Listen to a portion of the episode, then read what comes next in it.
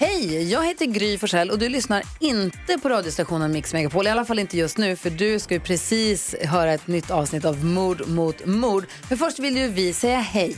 Hej, hej, det här är NyhetsJonas. Det här är Carolina Widerström. Och här är gullige dansken. Ja, och så Gry då. Och det vi vill säga att när du har lyssnat klart på den här podden, då får du gärna lyssna på våran. Vi spelar in ett nytt avsnitt varje morgon av våra podd Kvartsamtal. Och hela radioprogrammet blir ju också en podd om man är väldigt morgontrött eller så. Just det, om man missar morgonen ja. Men mest av allt så får du gärna lyssna på programmet i direktsändning varje morgon på Mix Megapol. Live varje morgon från klockan sex och då har vi med oss massor med vänner också. Thomas Bodström, Babben Larsson, Johan Pettersson, Christian Luuk. Massor med coola människor som bara dyker upp och gör livet bättre. Ja, som jag, gullige dansken. Exakt så. Och så mycket bra musik och annat skoj såklart. Så vi hörs när du vaknar på Mix Megapol. Podplay. I AJs rum så märkte polisen något mycket märkligt. Nämligen att i golvet på hans rum på våning tre, rakt ner i hans föräldrars sovrum som låg på våning två under honom alltså, är det ett skotthål.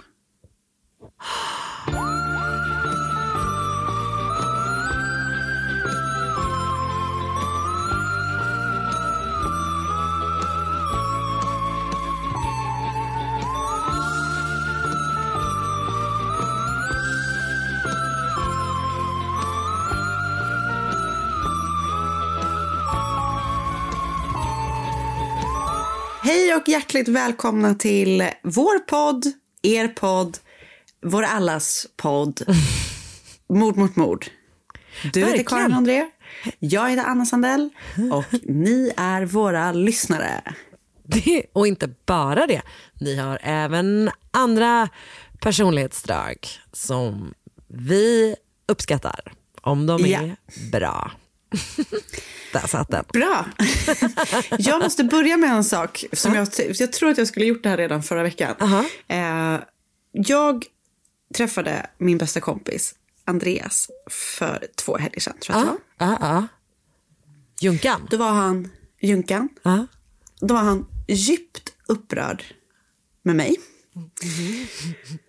För att jag hade sagt att någon läste business administration. Ja. Och sagt att det troligtvis var någon administrationskurs. Det är det inte. Det är företagsekonomi och jag är, han tyckte jag var den dummaste människan i hela världen. Så att han begärde att jag skulle rätta mig själv. Och nu har jag gjort det. Alltså har han läst business administration? ja. Okej. Ja. Och jag tänkte annars var det så konstigt att han blev kränkt av det. ja men, jag vet inte om det är någonting man ska kunna. Men jag kände liksom själv att jag fick sån total skamkänsla. Nej. Nej. Nej. Nej. Nej. Alltså, nu Okej, får bra. du i och för sig komma ihåg att du pratar med en person som inte kan någonting. Du kan massor, men ingen av oss kan någonting om finans. Vi, vi kan välja lite om finans. Jag kan ju heller ingenting om utbildning. Du kan ju mer om utbildning än vad jag kan. Men jag, så det är inte som att du, är, du kan studsa någonting på en smart hjärna där. Utan där är du ju verkligen Nej. ute ensam och trampar vatten. Kan man säga. Precis. Precis. Och det är inte alltid så lätt som du fick erfara. Nej. Då. Men här tycker Nej. jag, här mitt utlåtande är ändå att du kan vara snäll mot dig själv och eh, Junkan, vi hör dig, du kan företagsekonomi och vi respekterar det. Men kan du administrera ett företag? Exakt. Kan du administration? Kan du, alltså kan, du, företagsadministration. kan du ens löneadmin? För i så fall är business administration ingenting att ha. Om du inte kan det. Exakt, verkligen. Bra, då har, du, eh, har vi både gett lite bu och bä på- det Ja, ämnet helt enkelt. Du fick lite av alla slevar där. Men du, Hur är läget? Nej, men jag trodde att du skulle säga en annan sak. Som man, alltså inget ont mot Junkan, men man kanske skulle kunna tycka att det var lite viktigare. Att det hade ett bredare, eh, ett eventuellt intresse bland våra lyssnare. Jag tror att jag vet vad du är på väg. Ja, testa. Och det är ju att om drygt en vecka Du, du ska aldrig sä, säg aldrig något, säg datum, för du säger alltid fel på veckor. den 18 mars. Ja, en och en halv vecka skulle jag säga att det är. Ja, det är drygt en vecka. Så, så händer någonting väldigt spännande Ja. för oss och för eh, alla som bor i Sverige, men kanske framförallt eh, Stockholm. Ja. Eh, det är nämligen Capital of poddfest på. Fotografiska. Exakt. Säg det du Det sa är ju igen. nämligen podd... det är nämligen poddfest på eh, Fotografiska i Stockholm. Ja. Och vi eh, har den stora äran att få vara där och gästa och göra eh, livepodd helt enkelt. Det känns så kul. Eh, Det bli här underbart. känns som ett så ärofyllt sammanhang och vi har blivit utvalda eh, att få vara med. Det här, vet du vad det här är för oss? Nej. Det blir prom queen. Det, det är det verkligen. Alltså visst är det det? Ja, det skulle jag verkligen säga. Bra. Mm. Eh, eller det beror på om vi vinner den ceremonin. Kul, hur kul om de hade haft en pageant med alla poddare på poddfest. Jag tror, inte vi, jag tror inte att vi hade vunnit. Anton Berg vinner. Anton Berg-chokladen. Nej. Årets marsipanlimpa. Det rullas in på scen. Okej, men så här är det. Det kommer i alla fall vara och det kommer vara jättekul och ni kommer kunna se oss och jättemånga andra poddar också. Så, Exakt. Eh, Bland annat då Spår och Petri Krim kan vi säga som alltså för liksom inom kanske samma genre, kanske finns något mer i samma genre med, men de två var sådana som jag bara, oh, nice, det vill även jag se. de vill ju jag gå och se själv. Mm, eller hur, precis. All information om eh, själva eventet kan ni hitta på eh, sverigesradio.se poddfest. Bra. Och där finns information både om vilka andra poddar som är med men också om hur man köper biljetter och eh, sådär. Så eh, gå in där och så hoppas vi att vi ses den 18 mars på Fotografiska. Visst? Det gör vi. Ja. Verkligen. Hur mår du förresten? Jag mår jättebra. Härligt. Jag gör faktiskt det. Skryt. Du då? Men du vet ju hur jag mår. Alltså, Ja men Karin, Alltså, du har måste- en 25% Volaris blockning i handen. nu måste vi berätta vad som har hänt. Ja. Det är ju det viktigaste som har hänt oss. Eh, ja, alltså, men för jag har delat mående. För å ena sidan så mår jag väldigt bra för att jag har haft en så himla himla bra födelsedagshelg och det var så himla himla mysigt. Och jag blir också väldigt glad för alla Mysigt. som önskade mig grattis på födelsedagen i vår Facebookgrupp. Men jag trillade då häromdagen och bröt min hand. Eh, och jag är så jävla jävla gipsad typ. Ja. Och eh, det gör mig djupt frustrerad faktiskt. Och liksom att jag, ja, men jag kom till jobbet idag och typ började gråta för jag blev så himla frustrerad för att jag inte kan liksom skriva på dator så som jag vill. Nej det suger. Men det gör då att jag, det är en sak som är jättesvår med det här eh, gipset som täcker tre av mina fingrar och liksom är jätteknöligt, är ju att jag ehm, eh, inte kan skriva manus. Nej. Så jag har ju liksom pratat in mitt manus den här veckan och fått använt sån liksom nedskrivning, röstinmatning. Så jag hoppas att det eh, inte blir alldeles för kaos. Ska vi find out eller? Det tycker jag. Det är jättespänt faktiskt. Man bara, hur svajigt kan det bli? We're about to find out. Da-na-na-na. Ett poddtips från Podplay. I podden Något Kaiko garanterar östgötarna Brutti och jag, Davva, dig en stor dos skratt. Där följer jag pladask för köttätandet igen. Man är lite som en jävla vampyr. Man har fått lite blodsmak och då måste man ha mer. Udda spaningar, fängslande anekdoter och en och annan arg rant. Jag måste ha mitt kaffe på morgonen för annars är jag ingen trevlig människa. Då är du ingen trevlig människa, punkt. Något Kaiko, hör du på Podplay. Därför är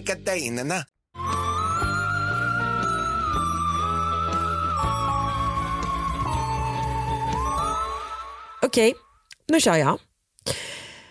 Malachi Love Robinson föddes i maj 1997 i West Palm Beach i Florida i USA.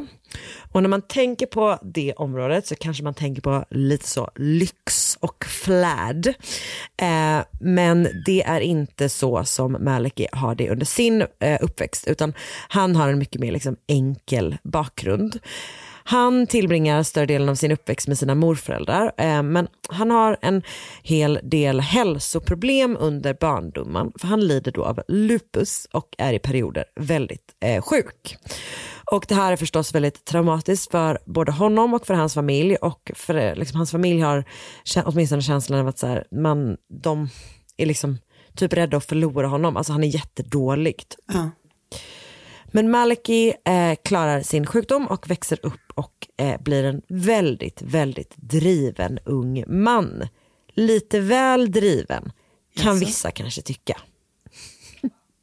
Spännande. Maliki bestämmer sig redan tidigt för att han vill bli läkare. Han vill helt enkelt hjälpa andra så som läkare hjälpt honom under hans svåra uppväxt. Men han bestämmer sig för att ta en lite ovanlig väg dit kan man säga. Så istället för att gå på läkarlinjen och sådär så tar han en liten genväg. Han blir läkare genom att eh, köpa en labbrock och ett stetoskop Ah. och börja låtsas vara en. Just det. I januari 2015 är Malki 17 år gammal och redo att ge sig in i läkaryrket. Han har då som sagt köpt en labbrock och ett stetoskop och börjar helt enkelt vandra runt på St. Mary's Medical Center i West Palm Beach. Där introducerar han sig själv som läkare, Dr. Love Robinson, för både annan personal och patienter och sådär. Och eh, han väljer att tillbringa en hel del tid på just eh, på specifikt gynmottagningen på det här sjukhuset. Okej. Enligt vissa källor så var han liksom inne i patientrum medan patienter undersöktes. Det finns också andra källor som säger att han aldrig hann träffa några patienter innan han upptäcktes och avvisades från sjukhuset.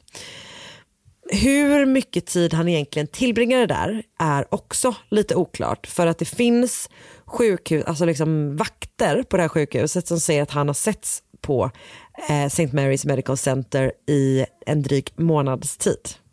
Han har också alltså, typ introducerat sig själv till en annan läkare som lite grann tagit sig an honom och gett den här lä- läkaren, eller den här läkaren har gett honom tillåtelse att typ skugga honom eh, för att han är så här, jag är typ är nyexad typ. Jag vill lära mig mer om hur yrket funkar typ. Så han bara, du kan följa med mig, jag kan vara din mentor eller någonting.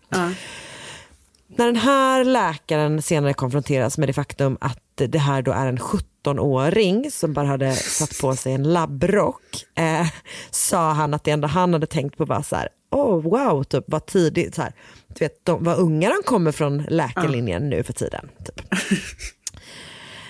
och, och, och, I vissa lägen så är det ju sjukt svårt att veta hur gammal någon är.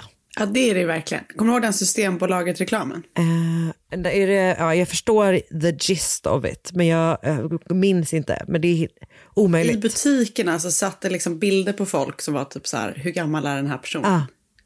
Och så kunde man vinna alltså, en årsförbrukning sprit. Exakt. Och pengar. Och, Att köpa cigg för. ja, nej, men det kan vara verkligen vara sjukt svårt, jag håller med. I det här fallet, det är inte svårt. Alltså, han ser möjligtvis yngre ut än vad han är. Han är alltså klassisk Om man inte är 17 är han babyface. 13. Alltså ja, nej men jag skulle säga att han ser ut att vara ungefär 13 faktiskt. Han ser ut som liksom, alltså verkligen ett barn har satt på sig en labbrock. Det är verkligen vad han ser ut som. Han ser ut som att han är på maskerad. Men det, han har ändå tagits in lite grann på det här sjukhuset. Men till slut då så grips han av polisen och blir liksom avvisad. Eh, men även i då samtal med polisen så fortsätter han att hävda att han är läkare och har flera års erfarenhet. Men polisen går då förstås inte på det och det är ju självklart olagligt att utge sig själv för att vara läkare. Men eftersom Maliki bara är 17 år gammal så avvisas han då från sjukhuset och ingenting mer händer.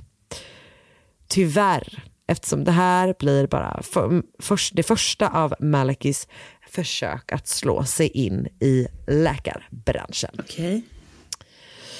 Någonting med honom måste ändå ha varit lite övertygande. För det är inte bara en läkare där på St. Mary's Medical Center och några säkerhetsvakter som tror på att Maliki är en fullvuxen människa och läkare.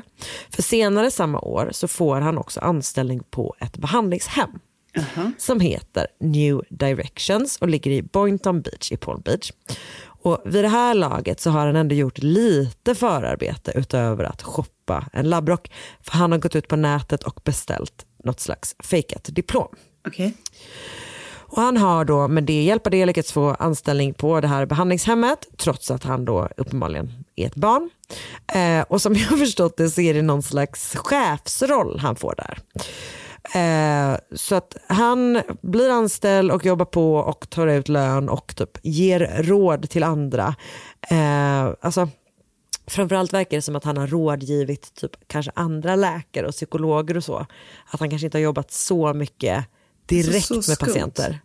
Ja, jag vet. Det är verkligen eh, helt absurt faktiskt.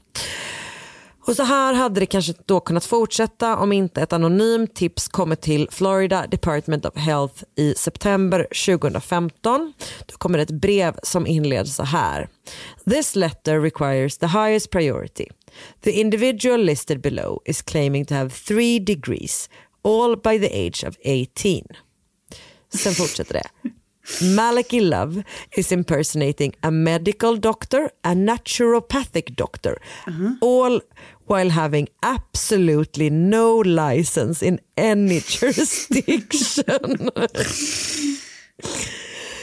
Uh, Florida Department starkt. of Health Ja, det är verkligen starkt. Florida Department of Health uppmuntras av brevskrivaren att, att lägga, liksom, göra någonting åt det här eftersom Love Robinson is a very skilled conman.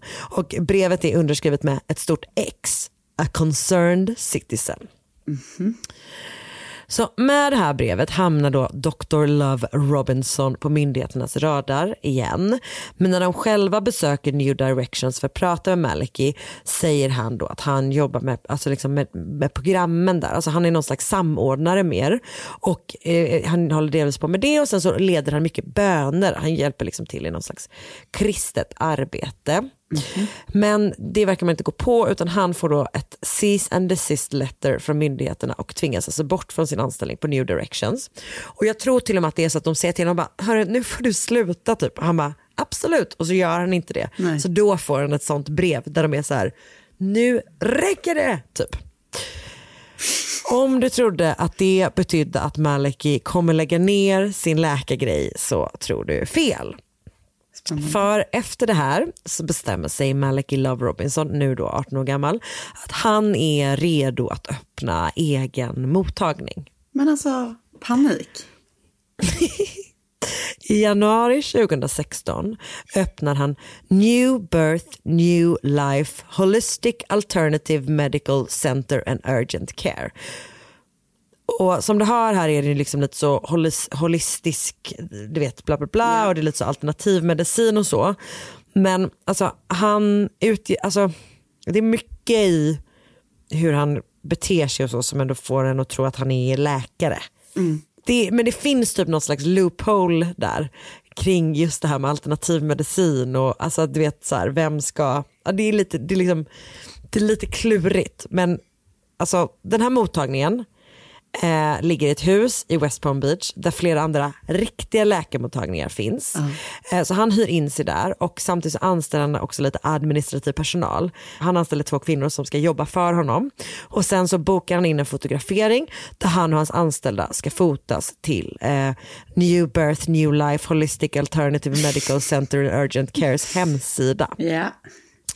Jag kommer nu eh, skicka en bild till dig Ja, på hur han ser ut på de här bilderna. Eh, det här är alltså för att komma ihåg typ kanske, alltså jag tror att det är nästan ett år efter att han första gången försöker sig på den här eh, grejen. Okej, spänd. Okej, Anna, Ja. är du redo att se Dr. Malaki Love i sina finaste läkarkläder? Och den här läggs då alltså upp på eh, hans nyöppnades eh, mottagnings hemsida. Den är, så, den är så bra, för det är verkligen så här modell för en dag, tema doktor. Det är verkligen exakt vad det är. Det saknas bara att han har en spegel under sina armbågar. Men alltså, han har verkligen en babyface också. vet. Fortfarande. Han, han ser ut att vara 13 här. Ehm, jag, jag kommer faktiskt lägga, jag kommer, jag lovar er, jag kan garantera er att jag kommer lägga upp det här i vår Facebookgrupp. Eh, annars kan jag också googla. Typ att stetoskopet också ser ut som att det inte är ett riktigt stetoskop. Nej men det är det säkert inte, han har väl säkert köpt det på liksom Butterik style. typ. Men alltså han har så, Det är så kul. jag vet inte. Jag gillar det jättemycket. Ja, det är, jag vet, jag gillar det också jättemycket. Ehm, ja, det finns också bilder på han och hans personal. Det är liksom två kvinnor som står bredvid honom. Det är verkligen starkaste, alltså de starkaste av scener kan man säga. Gud, spännande. Ehm, Okej, så eh, han publicerar då den här hemsidan och sen så, där måste han ju också skriva lite grann om sig själv. Såklart. Såklart. Så då kanske du vill höra lite grann vad som står i hans bio på hans hemsida. Gärna. Är du beredd? Gärna. Dr. Malachi Love Robinson is a well-rounded professional that treats and cares for patients using a system of practice that bases treatment of physiological functions and abnormal conditions on natural laws governing the human body. Utilizing physiological, psychological, and mechanical methods such as air, water, light, Okay. heat, earth, phototherapy, food and herb therapy, psychotherapy, electrotherapy, physiotherapy, minor and orificial surgery, mechanotherapy, naturopathic corrections, and manipulations and natural methods or modalities together with natural medicines, natural processed foods and herbs and nature's remedies. Okej. Jag är så himla förtjust i när han säger att han använder sig, han säger att han använder sig physiological, psychological and mechanical methods such as air, water, light, heat, earth. Det är jättebra. Det är min favoritdel. Det är väldigt bra. I use, uh, I use the earth, I use water. han skriver på sin hemsida att han är 25 år gammal. Han skriver att han utöver läkare och då liksom kan alla de andra sakerna så är han också präst. Och han registrerar också en Facebook-sida för sin mottagning. Eh, plus att han, eh, liksom, det finns olika sajter i USA där ju eh, liksom, eh, läkar, eh, vad heter det? sjukvården är så jävla jävla fuckad. Eh, så att det finns liksom hemsidor, stora hemsidor där man listar sig själv som läkare och så följer folk ut och väljer vem som ska behandla en helt enkelt. Så han liksom signar upp sig på några sådana och börjar då ta emot patienter. Eh, Och det verkar delvis som att han gör det på sin mottagning men han gör också hembesök och en person han gör hembesök hos är en 86 år gammal kvinna som han börjar behandla på lite olika sätt. Han säljer bland annat vitaminer till henne för tusentals dollar som då ska hjälpa henne med kvinna. hennes besvär. Nej jag vet det är så hemskt. Och inte nog med det, eh, när han eh, en gång besöker kvinnan har hon så ont att han typ ringer ambulans och när ambulansen kommer uppmuntrar, eh, säger han till henne att så här, lämna din väska och din plånbok här med mig. Eh, för att så här, nu när du ska in där så slipper du hålla koll på den typ. Nej. Och när hon kommer hem ett par dagar senare så upptäcker hon då att han har stulit ytterligare tu- tusentals dollar från henne. Fy. Så nu har han ju liksom verkligen, alltså, delvis det här då att han uppenbarligen tar emot, det här har inte varit bra från början, det är absolut inte det jag säger. Men det här, nu tar han emot folk och typ också har, alltså skäl och Alltså det är ju bara, det är tur att han överhuvudtaget ringde ambulans när hon var så dålig typ. Det känns inte som att det var säkert att han skulle göra det ens liksom. Nu dras liksom nätet runt Malaki ihop från lite olika håll. Delvis då för att den här kvinnan förstås anmäler att han har stulit massa pengar från henne. Men också för att media börjar intressera sig för den märkliga läkaren. Och det är då en lokal nyhetsjournalist som gör ett reportage från New Birth New Life-centret där hon intervjuar Maliki. Hon bara går in liksom och vet, börjar fråga honom saker. När han inser att hon är journalist så försöker han lite diskret ta av sig labbrocken och stetoskopet. Nej. Och sen så säger han typ att, så här, att han liksom inte alls håller på, alltså att han själv inte är läkare, det är inte han som gör de här sakerna utan hans plan är att anställa folk eh, som i sin tur då, alltså han ska bara leda centret. Men det är väl inte Så han det kommer han ha läkare som jobbar för honom. Nej, nej, nej, nej han har ju sagt att han är, typ, har, är läkare eller typ eh, utbildad inom typ tre olika fält och dessutom präst. Och det är ju typ det han har sagt. Um, Okej. Nu ska vi se. Och den här journalisten typ fortsätter ju förstås att liksom gräva och trycka på. Och eh, sen så kommer hans försvar då bli att han aldrig har, ehm, alltså att han aldrig påstått att han är just medicinsk doktor. Det går ju att bli doktor Just inom det. många olika saker. Ehm, och det är liksom det som är grejen. Okej. Alltså, han har aldrig sagt att han är läkare, Nej, nej. bara att han är doktor. Precis. Det som är är att han på sin labbrock också sytt på lite olika... MD. Alltså, ja, fast typ lite olika sådana. Att det kanske bara står så DD. Och typ, du vet lite att han har bara slängt på lite olika bokstäver. Typ. Ehm, Alltså, och fan att man kan bli så sjukt lurad bara av, av vad folk har på sig. Alltså, det är ganska intressant. ja. Men det finns ju typ, det finns, det finns en sån grej, undrar om det var typ en gammal Vice-artikel tror jag. Det var någon som testade hur långt man kommer bara genom att ha på sig en reflexväst. Ja, gud. Alltså du vet att du kan gå in på typ en arena rakt in utan några som helst problem. Vad sjukt. för att folk bara, ah en person som jobbar här. och det är verkligen så här, det är det här att det bara det är ett barn som har köpt en labbrock. Det är, Nej, det är vad som sjukt. hänt och nu är vi här. Det är helt sjukt. Och samtidigt så får då polisen ytterligare tips om att Dr. Maliki Love Robinson är it again. Och i februari 2016, alltså han har ju inte haft öppet särskilt länge, det är typ någon månad eller så, så får han ett besök av en pati- patient på sin mottagning och den här patienten säger sig lida av trötthet och liksom ha allmänt nedsatt mående. Typ. Och den här patienten kommer in då och mår lite så här allmänt dåligt, liksom, trött och så tung i kroppen. Typ. Och Dr. Love Robinson börjar med att eh, försöka väga personen, misslyckas med det. Alltså, Du typ, säger att vet, du känner dig ja, tung i kroppen. Låt mig väga dig. är det så han har resonerat tror du? Alltså jag tänker att han ska göra en allmän medical check Ja. men han är typ så dålig så att han inte, jag, i mitt huvud är det en sån, du vet, en sån våg man aldrig förstår där man flyttar Nej, olika alltså, vikter gud. som de Ja. alltid har hos läkare. Kul, alltså, jag måste verkligen sluta Nej, nej. skylta med min okunskap. Men alltså det där, det är verkligen, jag tror att du sa det som alla kände när de ser en sån våg. Att bara, Okej. hur fan Ja. funkar den här? 100 procent. Okej, bra. Ja. Det, vet inte, det kan jag säga att det vet inte Dr. Maliki Love. Robinson heller. Eh, och sen så han typ ger upp och går vidare. Sen typ kanske han så tar, undrar om han tar blodtrycket, han gör någon mer grej.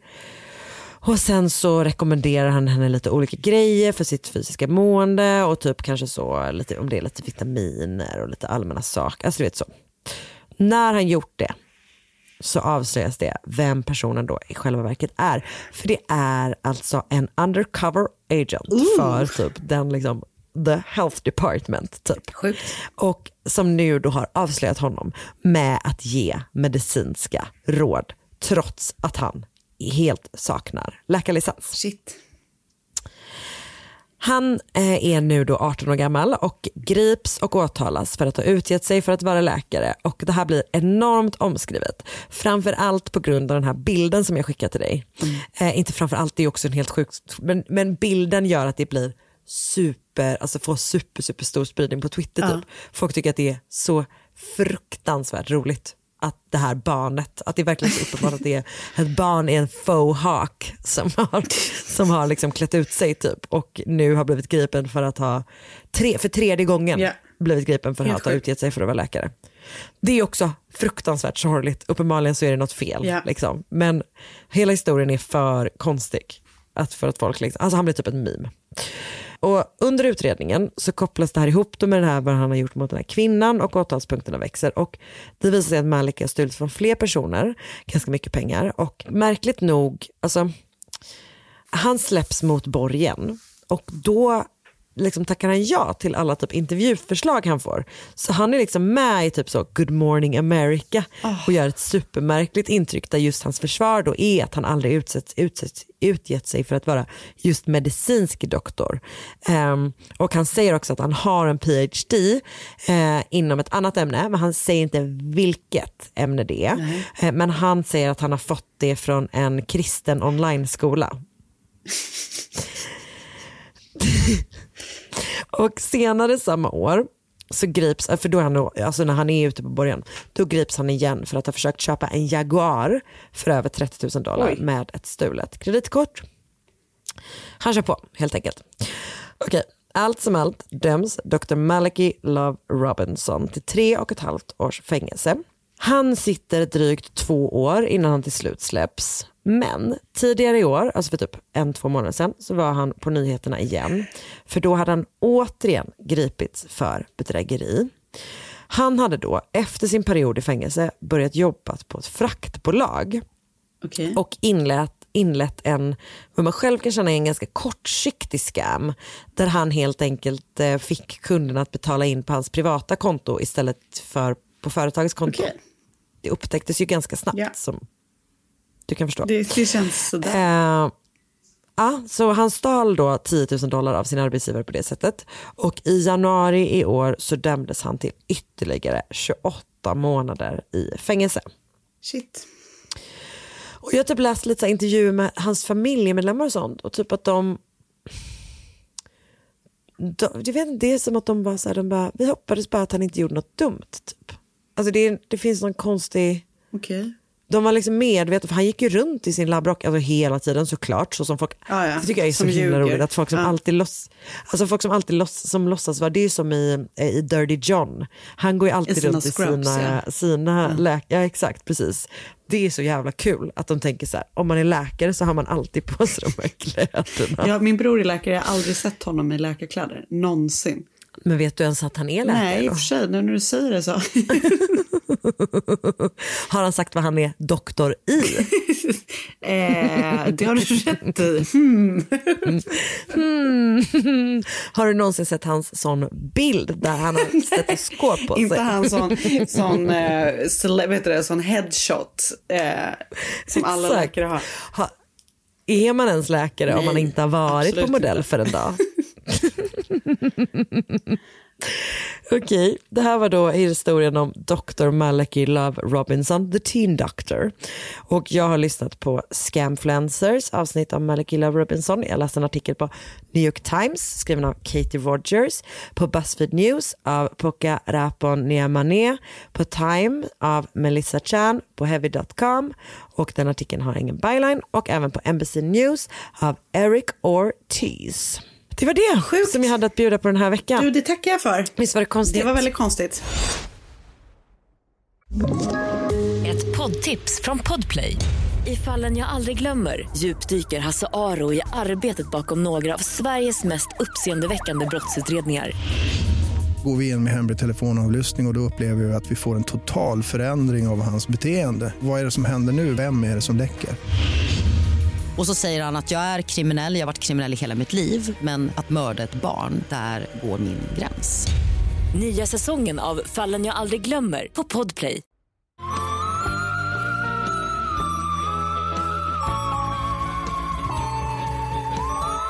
ser fram emot att höra vad du har att bjuda på den här Det ska veckan. du få. Antonio Armstrong föddes i Houston, Texas år 1973. När han föddes så hette han faktiskt Antonio Shorter, men eh, i alla källor och allting så är, heter han Antonio Armstrong, så att jag kommer kalla honom för det. Eller, jag kommer nog kalla honom för Antonio. Men i alla fall, Eh, han var, när han växte upp, helt sjukt duktig i amerikansk fotboll. Undrar det var därför han blev, att han istället fick heta Armstrong. Först var han shorter, men sen när han blev stor och stark så blev han Armstrong. Faktiskt inte alls omöjligt, Karin. Mm. eh, nej men du vet, han var eh, skitduktig och spelade sig igenom hela sin skolgång. Han var så duktig i high school då att han lyckades få ett stipendium som tog honom hela vägen genom college och sedan efter college blev han då draftad år 1995 av laget San Francisco 49ers som spelade i NFL. Ändå ganska mäktigt. Han blev draftad i femte verkligen. omgången så han liksom blev inte draftad på första. Men ändå helt okej bra.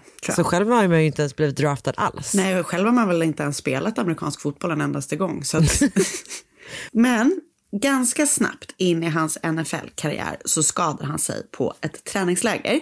Och han skadade sin ankel på ett ganska illa sätt verkar det som. Eh, för han fick typ aldrig spela, eller han fick aldrig spela så som jag förstår det i det ordinarie laget. Utan han blev liksom satt i någonting som heter practice squad. Vilket är eh, de spelarna, alltså de spelarna som är i practice squad, de tillhör ett lag och får lön av laget och sådär. Eh, men de sitter typ alltid på avbytarbänken. Så hemskt faktiskt. Tråkigt. Ja. Eh, och eh, han tillhörde då eh, San Francisco 49ers väldigt kort också innan han sen köptes av Miami Dolphins. Och där köpte han, köptes han av deras practice squad. Så du vet, han gick från en till en annan. Även om han fick spela i det riktiga laget där några gånger. Fyra matcher fick han spela där innan han sen såldes vidare till St. Louis Rams. Och inte heller där gjorde han någon jättekarriär utan liksom flyttade snabbt vidare och då hamnade han i kanadensiska ligan. Jag kommer inte gå in så mycket i den ligan för jag kan ännu mindre om den än den amerikanska. Men även där blir han liksom köpt och såld av flera olika lag under, efter så väldigt korta perioder i alla lag. Innan han till slut då skadar sin vrist så illa så att han slutar permanent år 2002. Alltså jag tycker att det, fin- det är något så sorgligt med det där för att man vet om att så här, hur, alltså när han blev draftad första gången så tänkte han så här, nu är min, Ja. nu är det, nu är drömmen här. Exakt. Typ. Alltså det är så sorgligt när någon Det är precis det här. är så nära sin dröm. Alltså det är typ. så hemskt. Jag har skrivit exakt det här. Och hur man är, Är så, så? sjukt beroende av sin kropp som idrottare. ah. Att du vet, från ja, det en känner dag ju även en jag annan. då som podcastutvecklare. Sant. I och för sig väldigt sant. Men det är så hemskt att så här, hela hans liv har han då precis byggt kring att han är så sjukt duktig på att spela fotboll. Och han liksom har, som du säger, världens mest lovande karriär framför sig. Och sen från en dag till en annan så är han bara liksom i practice squad. ja, och det, ja, och det gör nästan mer ont just att, eller tänker jag, att man är så nära. Det är som att han nästan är där. Exakt. Han, får- han får vara i samma omklädningsrum. Men inte... Men han får liksom inte vara... Ah, gud. Det var sorgligt tycker jag. Mm. Så han då slutar år 2002. Och eh, efter då att han inte längre kan eh, vara fotbollsspelare så ger han sig in liksom mer på entreprenörskapets bana och startar ett eget gym. Han eh, var gift med en kvinna vid namn Dawn och hon, de var då också väldigt aktiva i kyrkan där Antonio också arbetade extra, eller vad man ska kalla det för, som pastor. Dawn beskrivs som en väldigt varm och öppen person och hon var omtyckt av alla hon mötte. Hon arbetade tillsammans med Antonio i gymmet och var precis som han då väldigt aktiv i kyrkan. I övrigt så var hon väldigt engagerad i deras tre barn. Antonio Jr, även kallad AJ, Kyra och Joshua. Eh, du vet, hon så här, körde dem överallt och var en väldigt engagerad mor.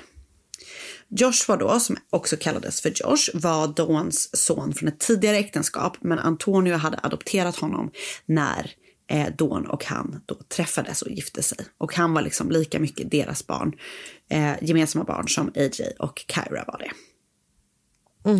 På min födelsedag den 29 juli 2016 hände något otroligt hemskt hemma hos familjen eh, Armstrong. Klockan halv två på natten så tog larmcentralen emot ett samtal från familjens hus. Den som ringde in till larmcentralen var Dawn och A- Antonios son AJ som då var 16 år gammal. Han var klart upprörd och polisen ryckte ut till familjens hus. När de kommer dit så hittar de Dawn och Antonio liggandes i deras sängar. De har typ som en kudde täckt för ansiktet båda två och de har båda blivit skjutna i deras säng. Antonio har blivit skjuten en gång och Dawn har blivit skjuten två gånger. Dawn förklaras död på platsen i huset och Antonio lever fortfarande när räddningspersonalen kommer fram. Eh, även om det liksom verkligen är knappt. Men han förs då i alla fall i ilfart till sjukhuset där han inom väldigt kort tid sedan också avlider. AJ, då deras son som har larmat polisen, berättar att han har hört skott från föräldrarnas sovrum som låg på våning två och han bodde på våning tre i villan. Liksom. Och efter att han har hört eh, det så har han då gömt sig i sin garderob. Han berättar vidare att eh, han har sett en maskerad person lämna familjens hem efter att han har hört skotten. I huset hittade också polisen en lapp med texten I've been watching you for a long time och bredvid lappen låg pistolen som använts för att skjuta Dawn och Antonio och det är också Antonios egna pistol. Polisen tycker att AJs story om en maskerad inkräktare som tagit sig in i familjens hus är lite konstig. För, för det första så fanns det inga tecken på att någon har brutit sig in eller på något vis tagit sig in i familjens hus utan att ha använt en nyckel eh, och sådär. Eh, för det andra så har AJ, kom, han har liksom i larmcentralen, eller i, eh, förlåt, i telefonsamtalet med larmcentralen så har han, eh, alltså de har hört honom gå och hämta sin syster Kyra och gå ner och larma av huset för Ah. att släppa in polisen som kommer till platsen. Polisen och så. Ja. Just det. Eh, så att ehm, det var liksom inte fritt fram för en inkräktare att ta sig in. För att larmet har liksom varit på när skotten har gått av. Om du förstår vad jag menar. Ja, ja. Så de tycker liksom att det går inte ihop helt enkelt. Det är inte bara det som polisen reagerar på, utan i AJs rum så märkte polisen något mycket märkligt. Nämligen att i golvet på hans rum på våning tre, rakt ner i hans föräldrars sovrum som låg på våning två under honom alltså, är det ett skotthål. Och han typ säger ingenting om det här själv, utan det är först när polisen så här går igenom huset som de bara är så här, varför är det ett skotthål rakt ner i dina föräldrars sovrum? Då berättar han att eh, det liksom är från några veckor tidigare när han har visat sin kompis en pistol och den typ har råkat gå av. Och då har han skjutit rakt ner i golvet. Perfekt. Ja, helt sjukt. Så av de här anledningarna då så seglar AJ snabbt upp på polisens lista över misstänkta. Han själv menar att han absolut inte har någonting med sina föräldrars död att göra. Och eh, du vet, det är så här, jag lämnar gärna DNA-prov, jag lämnar gärna, du vet så här, jag låter gärna er testa mina händer för att se om det finns krutrester där och sådär. Så de gör allt det här och det finns inga krutrester på hans händer. Det finns inte heller något DNA på pistolen som går att koppla till AJ. Eh, lappen som polisen hittar på platsen har inga fingeravtryck, så inte heller den går att koppla till AJ. Eh, jag vet inte om den är handskriven eller datorskriven, men den, liksom, den genererar helt enkelt inga spår överhuvudtaget, den här lappen. Eh, det finns de också som hävdar att den här lappen bara är fejk för att vet, så här, spä på teorin då såklart om en inkräktare. Eh, men trots då att det faktiskt inte finns några riktiga bevis, eller vad man ska säga, konkreta bevis mot AJ, så grips han för mordet på sina föräldrar. Motivet för morden skulle vara att AJ hade hamnat i bråk med sina föräldrar över att hans betyg hade blivit sämre, alternativt att han hade blivit påkommen med att röka marijuana. Men okej, vänta, så bevisen mot honom är då det här att det inte verkar finnas en inkräktare, det här att han har larmat av Ja. och eh, att det finns ett skotthål i marken. Det är typ det, eller? Det är det. Huh, okej. Mm. Så väldigt svagt liksom. Rättegången mot AJ började först nästan tre år senare, alltså i april 2019. Den här rättegången då slutar med att juryn inte kan enas om en dom och därför blir det en så kallad mistrial. Så det ska då upp i rätten igen. Men det, vet, datumet bara flyttades och flyttades. Och jag antar att det typ hade med covid att göra. Eh, under 2022 så var det en till rättegång och även den slutade med att juryn inte kunde komma överens om han var skyldig eller inte. I januari i år sattes det upp ett nytt datum för att börja rättegången och det var då för några veckor sedan, den 24 februari. Och när jag skrev det här manuset så är, eh, har rättegången fortfarande, är, är rättegången fortfarande inte över. Och det finns då ingen uppdatering om hur det har gått. Men från och med det att han greps för mordet på hans föräldrar så har hans farmor och farfar och mormor och morfar och hans lilla syster Kyra stått bakom honom hela tiden.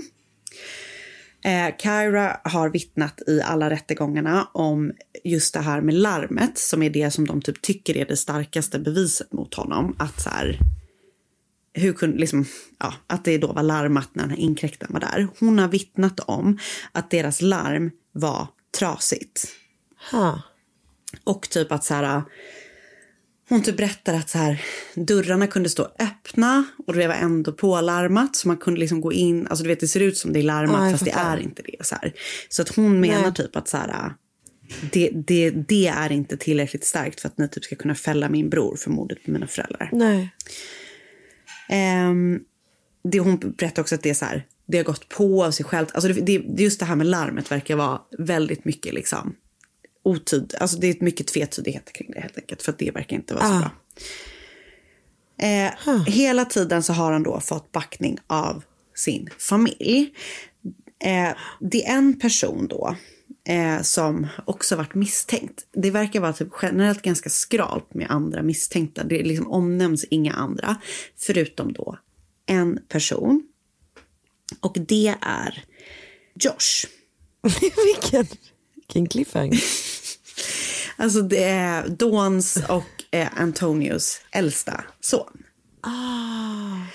Han då bodde inte hemma med familjen utan han var då utflyttad och bodde några kilometer bort. Men han dök upp i huset ganska kort efter att Dawn och Antonio hade mördats. Och jag vet inte om det var för att så här, han hade blivit ditringd eller att han bara så här, råkade typ komma dit. Däremot så har då eh, Kyra, alltså lilla systern Kyra och även andra berättat om att han ofta bråkade med Dawn och Antonio och att så här, han typ alltid var så här, jag är inte lika mycket älskad av er som ni älskar de andra barnen. Ehm, det, han, han har också haft problem eh, med droger, oklart vilken sort, men han har liksom missbrukat droger. Och att han har visat upp väldigt olika så här, personligheter, har då hans lilla syster berättat. Och det har då, det är vittnesmål. Alltså hon är typ också med och pekar mot honom lite grann uppenbarligen. Ja. Ehm, Och det stärks då av eh, andra. Och Kyra har liksom berättat om att så här, tiden innan föräldrarnas, mordet på deras föräldrar så har han blivit allt mer våldsam. Och han har då enligt egen utsago eh, hört eh, demoniska röster. Så han liksom Ja, mår uppenbarligen inte bra. Eh, Polisen har, eller liksom, jag vet inte vad han själv säger om det här att hans familj typ ändå misstänker att han kanske har någonting mer att göra. Polisen tittade liksom på honom som misstänkt till en början men avskrev honom ganska tidigt in i utredningen. Ehm, och än så länge då är det ingen som har dömts för morden på Dawn och Antonio. Men man kan ju liksom verkligen konstatera att en hel familjs liv verkligen har ställts eh, på sin Oh. ända på min födelsedag för sju år sedan. Eh, och som sagt, rättegången är inte klar men det känns som att man kanske kan, vi får eh, anledning att återkomma när det händer. För att det känns så Ja. himla hemskt att så här, han var 16 år när det här hände och nu har det pågått i fan sju år och det är fortfarande liksom inte har, finns ingen lösning i det. Och man vet ju inte, men, men det är inte superstarka eh, bevis kan jag tycka. Nej. Nej. Vet du om han har suttit inne hela tiden? Alltså, eller om han har varit ute mot början? Jag typ? tror att han har varit ute, för att han, just för att han var så ung Ja. typ i början. Men, men jag vet faktiskt inte. Ja. Och det, det är nog lite fram och Nej. tillbaka sådär kan jag tänka mig. Ja, och även om man har varit ute så har det uppenbarligen varit någonting som totalt har överskuggat ens, typ, en tid i ens liv. Det är inte som att, hans, som att mordet på hans föräldrar inte hade gjort det ändå. Nej. Men alltså att addera det här, Alltså verkligen. liksom, enorma trauma till det trauma som redan finns. Verkligen. Ehm, och just om man inte, om man inte, eftersom man inte vet om han är skyldig eller inte och bevisläget är som det är. Gud. Mm. Så hemskt. Usch. Ja. Fruktansvärt sorgligt. På Så det var morden på Dawn och Antonio Armstrong. Mm. Och jag har läst Dawn and Antonio Armstrong Murders, How did they die, who killed them av Kriti Merotra. Och nu ska vi se här. A.J. Armstrong Now, Where is Dawn and Antonios Armstrongs son today?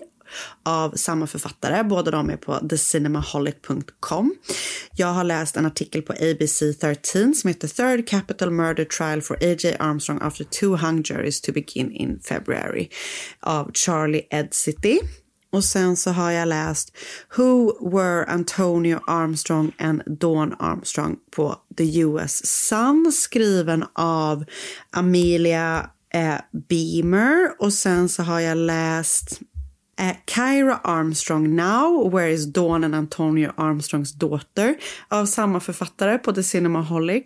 Och sen så har jag läst Defense Rest Armstrong, at Armstrong Trial after his sister's tearful testimony på Click to Houston av Brandon Walker. Och sen har jag lyssnat på en podcast som heter så mycket som eh, NFL Star and Wife Shot Dead in Bed. Och det är Crime Stories med Nancy Grace.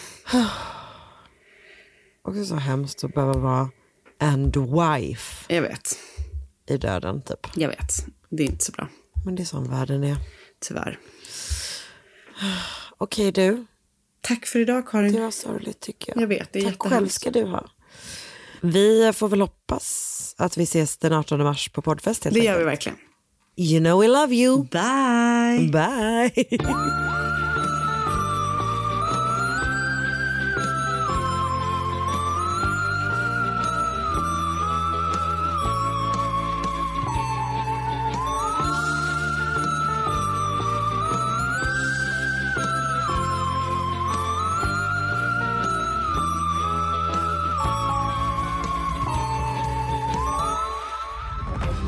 Podplay, en del av Power Media. Ett poddtips från Podplay. I fallen jag aldrig glömmer djupdyker Hasse Aro i arbetet bakom några av Sveriges mest uppseendeväckande brottsutredningar.